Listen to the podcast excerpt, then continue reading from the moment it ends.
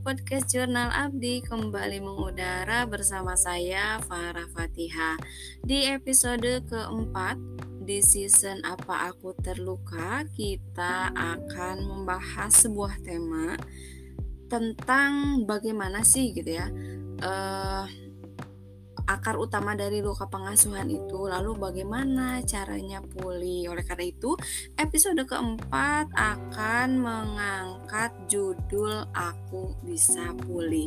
Tapi sebelum kita bisa pulih kita harus tahu dulu kita sakit karena apa. Kemudian sakit itu karena apa gitu ya penyebabnya. Kita cari tahu akar masalahnya biar kita juga tahu bagaimana cara uh, menyembuhkannya.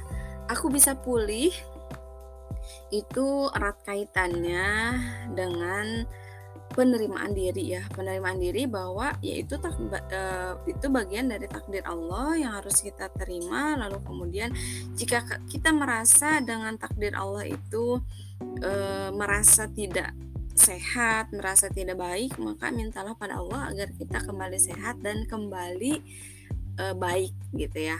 Nah, akan luka pengasuhan itu yang utama adalah ternyata hilangnya kelemah lembutan. Seorang ibu bukan tidak boleh strong gitu ya. Ibu itu harus strong, tapi ingat fitrah utama seorang ibu adalah lemah lembut. Dan akar utama luka pengasuhan adalah hilangnya kelemah lembutan.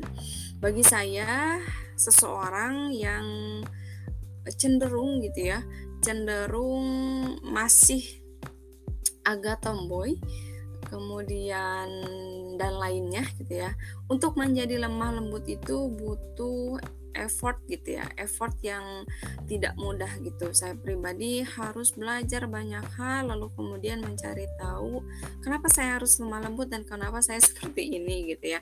Saya juga nggak tahu kenapa saya se se apa ya uh, prosentase maskulin saya lebih besar daripada feminin. Tapi alhamdulillah sih yang saya rasakan sekarang prosentase femininnya juga sudah meningkat gitu ya. Dan mudah-mudahan prosentase maskulinnya semakin menurun lalu kemudian saya tumbuh dengan fitrah seorang ibu yang penuh dengan kelemah lembutan. Karena ternyata akar utama luka pengasuhan itu adalah hilangnya kelemah lembutan Allah berfirman dalam Quran surat Al-Imran ayat 159 yang artinya maka disebabkan rahmat dari Allah lah kamu berlaku lemah lembut terhadap mereka. Sekiranya kamu bersifat keras lagi berhati kasar tentulah mereka menjauhkan diri dari sekelilingmu. Sikap lemah lembut ternyata bisa mengantarkan orang-orang yang ada di sekitar kita mendekat kepada kita. Sebaliknya, ketika kita bersifat keras dan berhati kasar, maka orang-orang akan menjauhi kita gitu. Orang-orang yang di sekeliling kita menjauhi kita. Bayangkan karena kita tidak punya sifat lemah lembut, kita kasar terhadap anak-anak kita gitu. Tentulah anak-anak kita itu menjauh dari kita. Itu karena fitrahnya seorang ibu adalah melindungi gitu ya, melindungi, berlemah lembut, berkasih sayang kepada anak-anaknya. Kalau anak-anak semuanya hanya menerima kelembutan bagaimana cara dia bertahan gitu ya. Cara mereka bertahan cara mereka kuat teguh pendirian biarkan mereka dapatkan dari seorang ayah. Oleh karena itu pendidikan anak harus dikerjakan tidak hanya oleh seorang ibu saja, tapi juga seorang ayah, karena melalui fitrah ayah, melalui fitrah ibu, seorang anak akan mendapat fitrah dirinya yang utuh. Jika anak perempuan, dia akan mencontoh meneladani ibunya bagaimana berlemah lembut. Tapi sosok anak perempuan juga perlu kuat, perlu kokoh, perlu teguh pendirian. Dan itu didapatkan dari pendidikan yang diberikan oleh ayahnya. Yang selanjutnya hadis riwayat Muslim nomor 200 2593 yang artinya wahai Aisyah sesungguhnya Allah itu maha lembut dan mencintai kelembutan. Allah memberikan kepada kelembutan hal-hal yang tidak diberikan kepada kekerasan dan sifat-sifat lainnya. Artinya kelemah lembutan ini hmm, adalah hal yang sangat kentara gitu ya, hal yang sangat berbeda antara kekerasan dan sifat-sifat yang lainnya. Jadi kelemah lembutan ini ada dengan sendirinya muncul dengan kekhasannya dan itu sangat berbeda dengan yang lainnya. Eh, kita sering melihat seorang ibu yang penuh dengan kelemah lembutan tanpa harus kita yang melihatnya mendefinisikan lemah lembut dari segi apa saja. Gitu, apakah dari caranya berbicara dan lain sebagainya. Tapi kelemah lembah kelemah lembutan itu dapat kita rasakan dengan sendirinya karena lemah lembut itu sesuatu yang berbeda dari yang lainnya seperti halnya dalam hadis riwayat Muslim nomor 200 eh 2593. Lalu ada juga yang menerangkan uh, masih tentang kelemah lembutan dalam hadis riwayat Muslim nomor 6767. Nanti sahabat pendengar boleh mengecek ya nomor hadisnya barangkali saya salah. Uh, dalam hadis riwayat Muslim nomor 6767 uh, eh, yang artinya sungguh tidaklah sifat lemah lembut ada pada sesuatu melainkan ia menghiasinya. Dan tidaklah sifat lemah lembut tercabut dari sesuatu melainkan ia menjadikannya buruk. Nah, sifat lemah lembut ini ternyata akan menghiasi diri kita. Akan menjadi sosok yang e, menyenangkan, menentam, menentramkan, membuat nyaman, membuat aman gitu ya. Sifat kelemah lembut kelemah lembutan ini akan menghiasi orang yang memilikinya.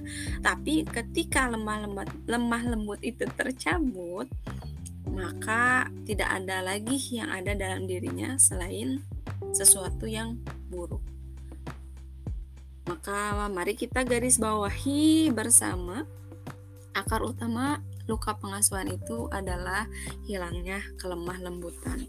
Dan sungguh sangat disayangkan gitu ya jika seorang ibu tidak punya kepekaan untuk hal ini. Makanya saya pribadi ingin sekali belajar mengubah kemaskulinitasan saya gitu ya akan saya kikis gitu ya karena memang tidak seharusnya ada dalam diri saya dan sifat feminitas, sifat feminim harus ada dalam diri saya dan itu butuh latihan. Nah, setelah kita membahas tentang akar utama luka pengasuhan, bagaimana sih caranya agar aku bisa pulih? Memulihkan luka jiwa itu caranya adalah dengan memberikan kebutuhan cinta dan kasih sayang. Luka pengasuhan, luka jiwa itu bisa sembuh, ya, insya Allah bisa sembuh tatkala kita memberikan kebutuhan cinta dan kasih sayang kepada siapa? Kepada diri sendiri, kepada pasangan, kepada anak.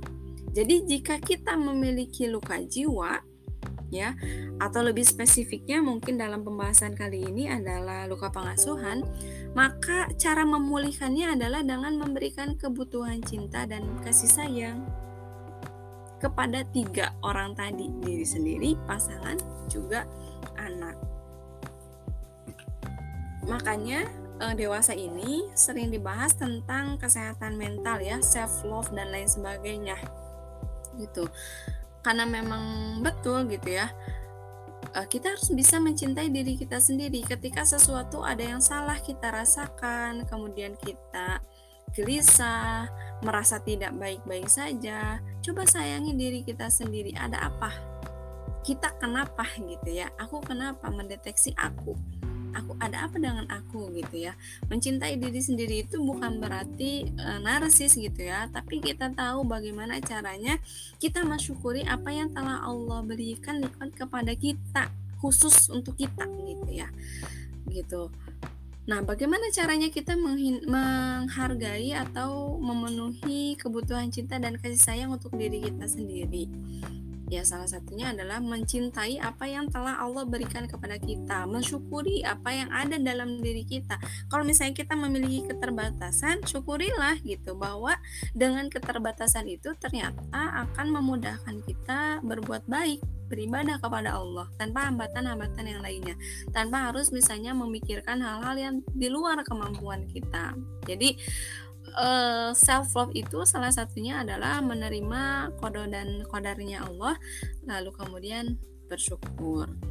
Nah, ada juga mungkin uh, orang yang membutuhkan uh, terapi tersendiri gitu ya untuk cara mencintai dirinya sendiri. Ya, boleh dengan cara self healing terapi. Nah, self healing ini erat kaitannya dengan aktivitas psikologi ya, aktivitas psikologi yang bisa menenangkan jiwa. E, kalau jalan-jalan itu menenangkan jiwa, bukan berarti jalan-jalan itu bermakna healing, gitu ya. E, mungkin refreshing. Kemudian jika penat bekerja itu bukan mungkin bukan gangguan jiwa gitu. Tapi memang kita butuh istirahat kita butuh jeda gitu. Kita butuh suasana baru dan lain sebagainya. Untuk memberikan kebutuhan cinta dan kasih sayang pada diri sendiri kita bisa melakukan self healing terapi. Caranya ada banyak tapi yang saya lakukan adalah dengan katarsis menulis gitu ya. Menulis hal-hal yang memang hmm, apa jadi gangguan gitu ya.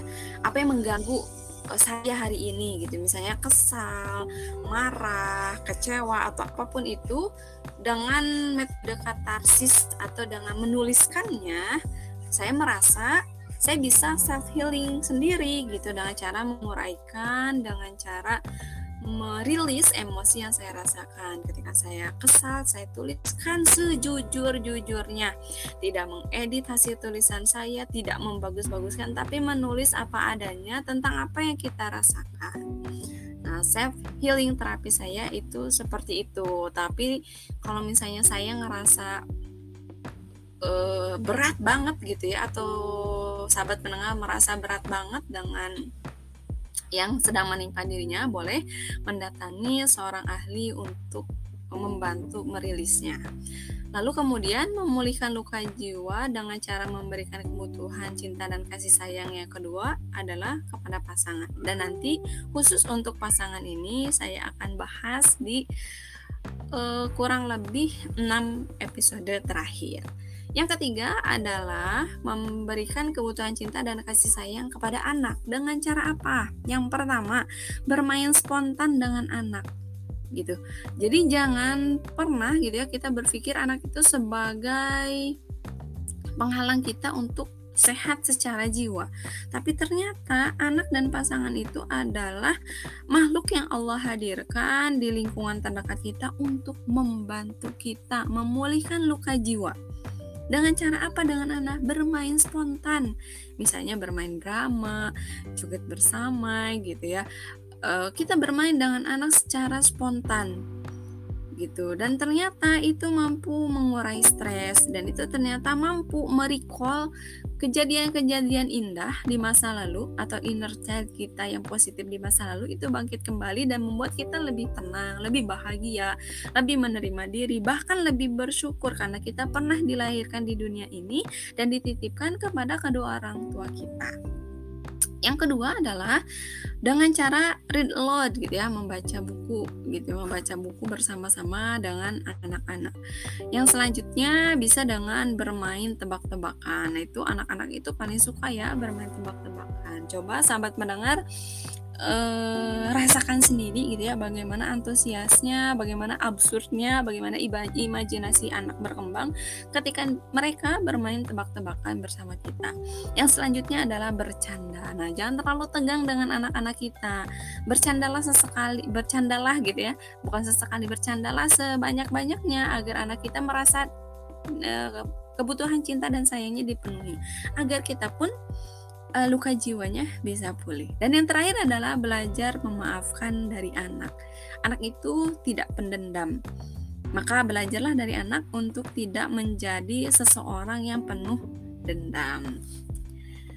Nah, mungkin uh, cukup sekian episode kali ini tentang aku bisa pulih di episode keempat season Apa Aku Terluka.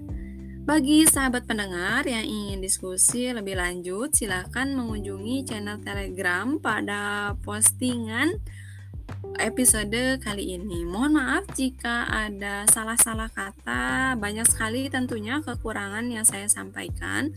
Namun ini bukan suatu kelancangan karena memang saya juga bukan orang ahli di bidang psikologi, tapi ini adalah sebagai pengikat makna di mana ketika saya mengetahui sesuatu, saya ingin menjurnalkannya melalui podcast kali ini khususnya di season apa aku terluka di episode ke-4.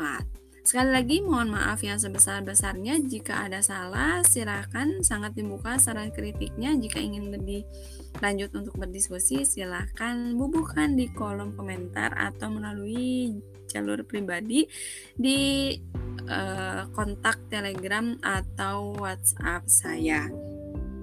Tanpa berpanjang lebar lagi dicukupan sekian Mohon maaf atas segala kekurangannya. Alhamdulillahirrabbilalamin. Assalamualaikum warahmatullahi wabarakatuh. Hidup untuk berbuat, berbuat untuk bermanfaat.